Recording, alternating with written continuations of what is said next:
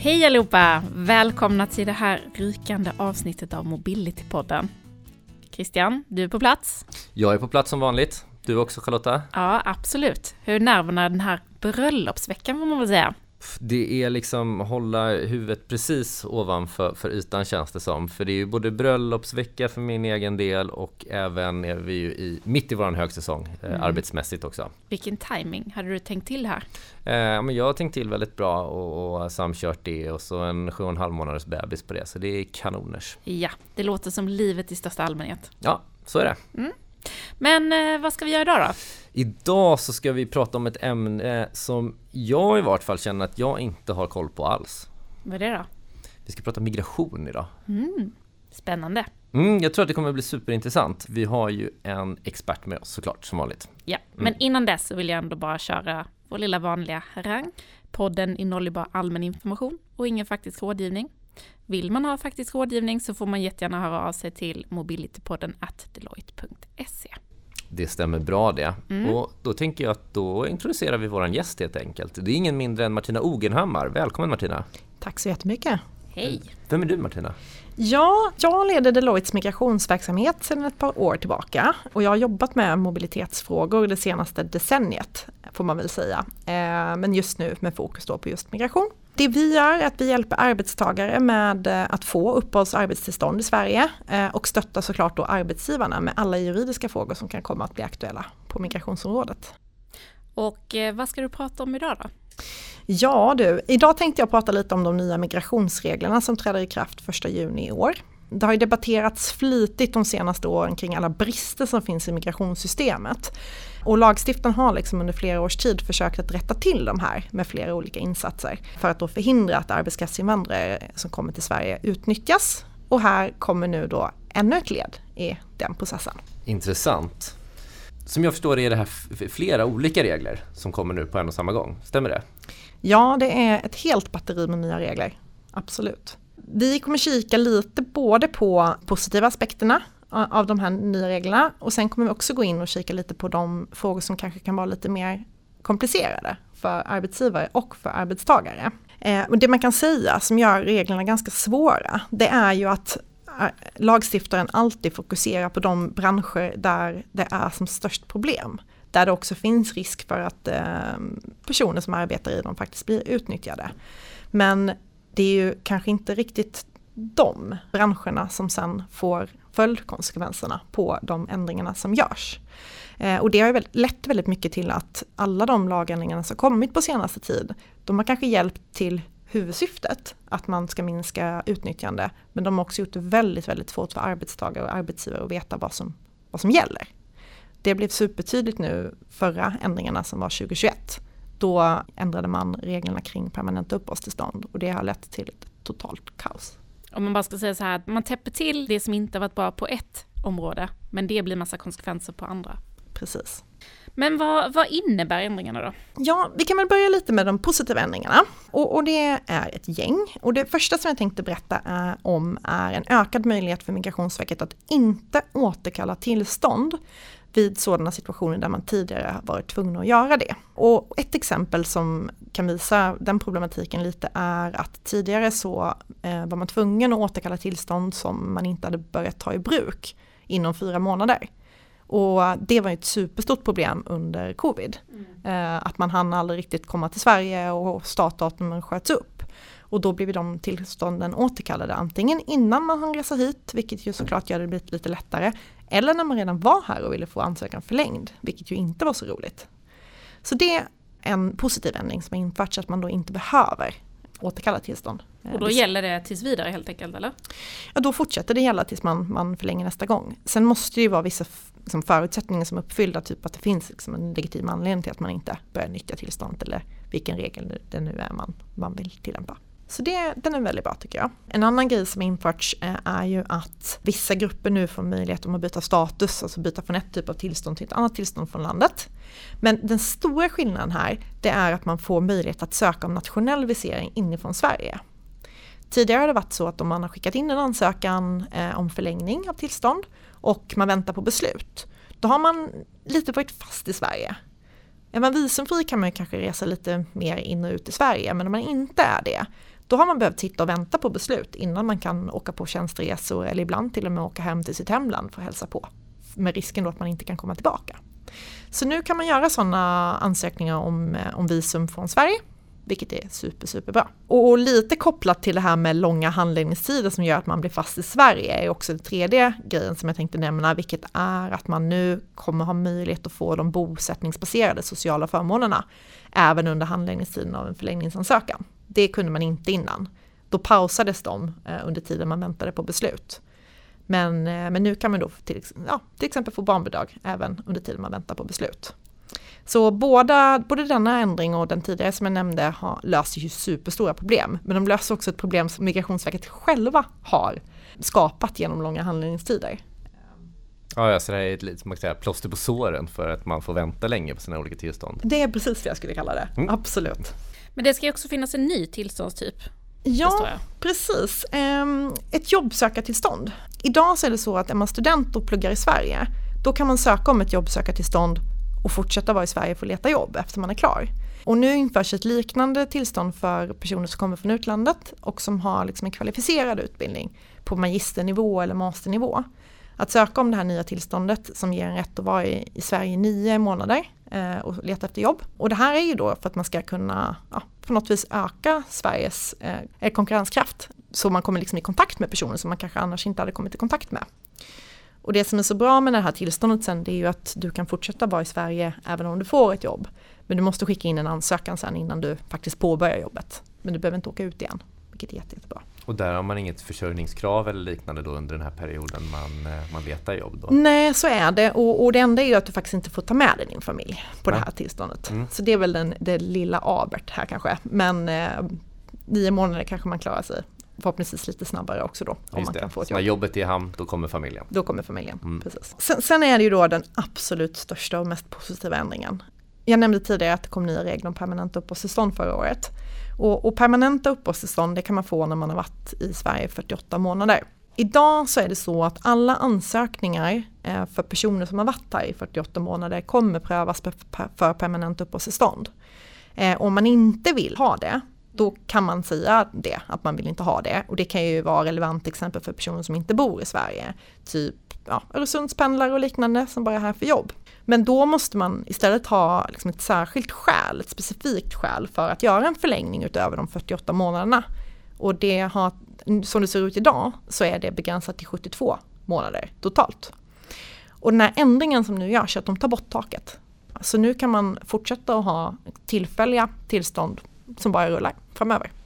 Och det är eh, väldigt, väldigt bra tycker jag personligen. Och sen är det så att man får för sig efter några månader eller något år att nej men nu både kvalificerar jag för permanent uppehållstillstånd och vill ha det. Då kan man ju söka det kan låta som en mindre viktig ändring på något vis, men, men det man ska ha med sig är ju då att det har varit så pass svårt att få permanenta uppehållstillstånd under det senaste året. Bland annat baserat på att man behöver ha en bostad som är av tillräcklig storlek och standard för att alla familjemedlemmar ska få vara kvar i Sverige. Och, och då har liksom inte valet om permanent uppehållstillstånd blivit så himla självklart. Men det som har varit ett problem också är att om jag frågar dig nu CJ, vill du ha ett permanent uppehållstillstånd? Det är klart att jag säger ja på den. Det är klart du säger ja på den.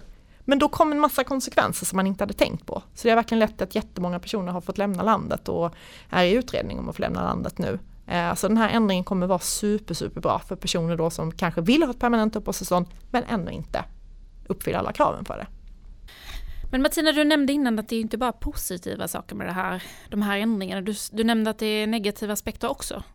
Ja men precis, eh, och det finns vissa grejer som, som eh, ställer till det lite. Den första är ju att familjemedlemmars tillstånd ska kunna gå att återkallas. Det har inte gått tidigare, utan om det är så att ens huvudsökande som man har tillståndet på grund av kanske åker hem eller att förhållandet tar slut och liknande, då har man fått ha kvar sitt tillstånd. Och det kommer de nu ta bort. Och det kanske är negativt för personen i sig, men det är ganska rimligt också på något vis. Men det är den första ändringen. Så hur funkar det då om man till exempel skulle skilja sig? Då finns det möjlighet att byta status och liknande. Så det går ju att lösa det problemet, men tidigare hade man typ inte ens behövt bry sig om det. Är det för att komma runt så här skenäktenskap och liknande typer av eh Det kan säkert vara en del i det hela men jag tror att den största delen är ju att man vill undvika att, att det är personer i Sverige som eh, på något vis använder socialförsäkringssystemet. Okej. Mm. Som inte behöver vara här. Det låter rimligt. Ja, precis. Och sen så är det en annan grej som också rör familjemedlemmar. Och det är ju att det införs ett försörjningskrav. Och tidigare har det varit så att det har funnits ett försörjningskrav, men bara vid permanenta uppehållstillstånd. När det kommer just till uppehålls och arbetstillstånd så är också den enda typen av tillstånd där det inte funnits försörjningskrav. Så nu försöker man då komma till rätta med det här, inför därmed det även för den här kategorin av personer. Vid den initiala ansökan då när man söker för att komma till Sverige, då behöver man se till att man då har en lön som netto efter skatt och, och bostadskostnader och liknande minst uppgår till Kronofogdens förbehållsbelopp vid utmätning av lön. Vilket är i praktiken? Ja, nu har jag inte de faktiska siffrorna här, men det är ungefär 8000 för en, en huvudsökande med en, en fru och 2-3 tusen för respektive barn baserat på eh, hur gamla de är. Det kommer också krävas en hel del beräkningar i samband med ansökan, vilket man inte har behövt göra förut, för att då visa liksom, att man har tillräcklig lön för att kunna ta hit sin familj och ha med dem i ansökan. Så den här studenten du pratade om tidigare, kommer det gälla för den också? Ja, det är ju det som är grejen. Att när du söker om ett, ett tillstånd för någon som är junior då eller kommer in på ingångslön. Det är klart det kommer bli väldigt, väldigt svårt att visa att man har en tillräckligt hög lön. Ingångslönerna är ju inte superhöga generellt sett i Sverige heller, trots att vi har fina lönelägen. Men eh, har du då en fru och tre barn, det blir svårt. Förstår det, om man jämför med vad själv hade i CSN när man pluggade. Ja, verkligen. Och lite extra lön på det. Hur, hur, visar man det här? Är det, är det genom liksom anställningskontrakt eller hur, hur liksom, blir det en bevisfråga gentemot Migrationsverket? Eller ja, det? det kommer ju faktiskt bli det. För nästa grej som införs är ju just ett krav på att skicka med ett anställningskontrakt. Så Migrationsverket kommer ju då få in en ansökan där de får information om alla villkoren som erbjuds till personen. Och även då såklart en kopia på anställningsavtalet. Och då börjar man helt enkelt räkna baklänges. Mm. Eh, från en eh, bruttolön till en nettolön först och sen då får du plocka bort boendekostnader vilket då innebär att du också måste visa vad du har för boendekostnader. Mm. Och har du då inga klara boendekostnader igen, då går de på schablon. Så det, det, är också en grej som kan bli lite knivigt för arbetsgivare att faktiskt börja räkna baklänges för att se vad man ska erbjuda sina anställda. Jag tänker, brukar man titta på förmån och sånt också man har när man värderar det eller bara kontant ersättning? Nej, även förmåner tittar ja. de på då. Så bo, har man en bostadsförmån då är det ju viktigt att, att visa det mm. eh, i, i det skedet. Då är det någon som flyttar till Sverige för första gången kan det bli lite svårt. För då kanske man inte har en förmån eller ett, ett boende klart innan man flyttar hit. Det kanske man löser på plats. Just det. Men om det står då i tänker jag, ens kontrakt typ att eh, arbetsgivaren står för hotell eller liknande fram tills dess man har hittat bostad. Skulle det vara tillräckligt då för att det skulle det vara men då kommer man tillbaka till det där med att man behöver ha någon slags schablonbelopp för att räkna. Just det. Och då kan jag tänka mig att det är viktigt att man vet att man faktiskt uppfyller det här redan innan man går in med en ansökan så att man inte bara ansöka på lösa boliner så att säga. Nej men precis och, och, det är väl det som är hela grejen här nu med det här nya kravet på anställningsavtalet. Att det införs för att man ska tillse att personer som faktiskt kommer hit får det de har rätt till enligt kontrakten. Och det innebär att de här kontrakten kommer ju behöva ha all vettig information som behövs. Det är liksom lön, det är förmåner, det är alla semesterförmåner eh, och liknande och eh, vilken typ av anställning, hur många procent, vilken anställningsform och så vidare. Så att man faktiskt ska kunna ticka eh, av villkor hos Migrationsverket. Man kan ju se det som negativt absolut att det är krångligt att visa det här och mycket administrativt sådär. Men på ett annat plan kan jag tycka att det är positivt för att man tillser faktiskt också att det finns en viss miniminivå i, i Sverige och garantera de här personerna som kommer hit en, en viss ja, garanterad ersättning om man ska kunna vistas och jobba i Sverige. Så är det verkligen och jag tror att för de allra flesta bolag som är seriösa och, och, och så, så kommer inte det här vara ett problem. För det finns anställningskontrakt på plats. Och är det så att man har utsänd personal, ja men då finns det ju oftast ett utsändningsavtal och det finns ett hemmakontrakt med, med bolaget i hemlandet. Då handlar det snarare mer om hur tydligt är det, behöver man gå in och tweaka någonting för att det ska vara tydligt nog för Migrationsverket att förstå. Men jag, jag, tänker på en sak, det, det, är inte ovanligt att man liksom när man är nyanställd eh, hos en arbetsgivare att man har någon form av provanställning exempelvis under sex månader. Jag tänker hur funkar det med de här nya reglerna?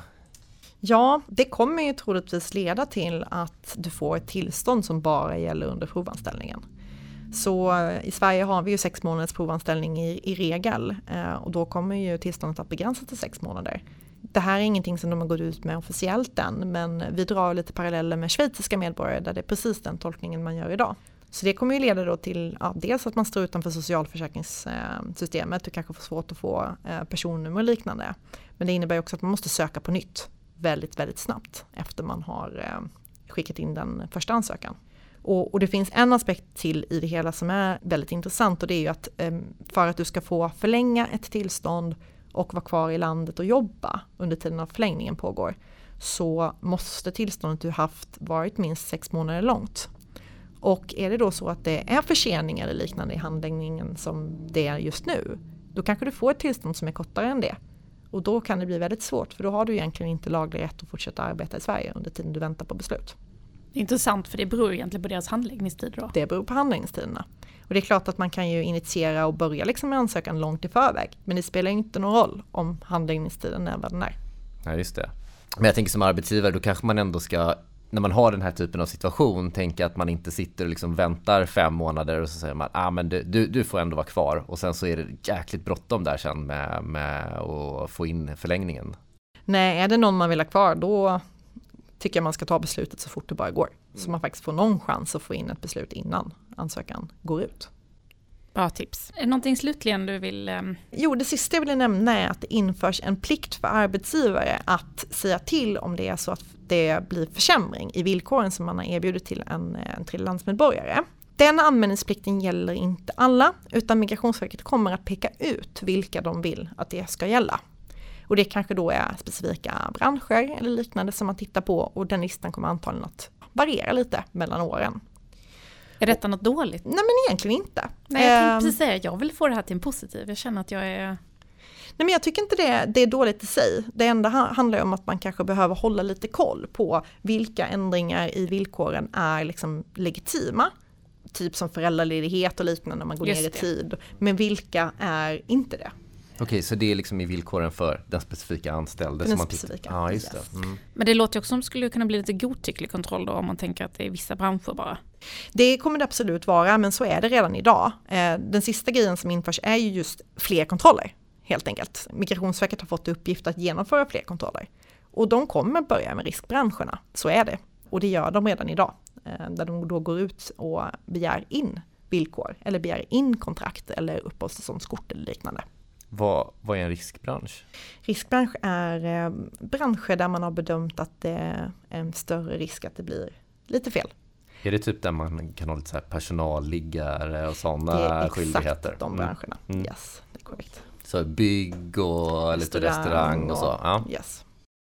Förstår. Ja men Martina, jätteintressant det här, men om du ville sammanfatta det hela lite. Ja, nej men alltså det är ju mycket som händer helt klart och, och det är ju både skärpningar och lättnader. Jag tycker också att många av de här är väldigt, väldigt bra. Men nu återstår det verkligen att se då hur Migrationsverket har tänkt att tillämpa dem. Det är ju alltid lite knivigt att veta innan de går live. Men det får vi se här inom ett par veckor. Spännande.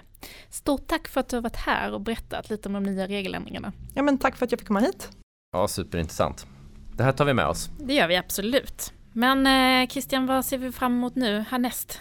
Ja, men vi ser väl fram emot att köra ända in i kaklet här med eh, få in de sista deklarationerna, självande sista timmarna här på, eh, på högsäsongen känns det som. 15 juni har ju vi på oss att lämna in deklarationerna ska vi säga för alla som sitter och tänker nu, är de inte lite sena på det? Var det inte andra maj de där deklarationerna skulle varit inne? Inte för oss. Nej, det gäller bara er dödliga, mm. säger vi då. Um, nej, men så det är väl det vi ser fram emot, förutom då att det också är bröllop i, i helgen. Det är det jag ser fram emot. Såklart, det ju det stora skulle jag säga. Ja. Men eh, är det så att ni sitter på något bra ämne som ni skulle vilja att vi tar upp här i, i podden så får ni jättegärna mejla till oss på mobilitypodden at deloitte.se.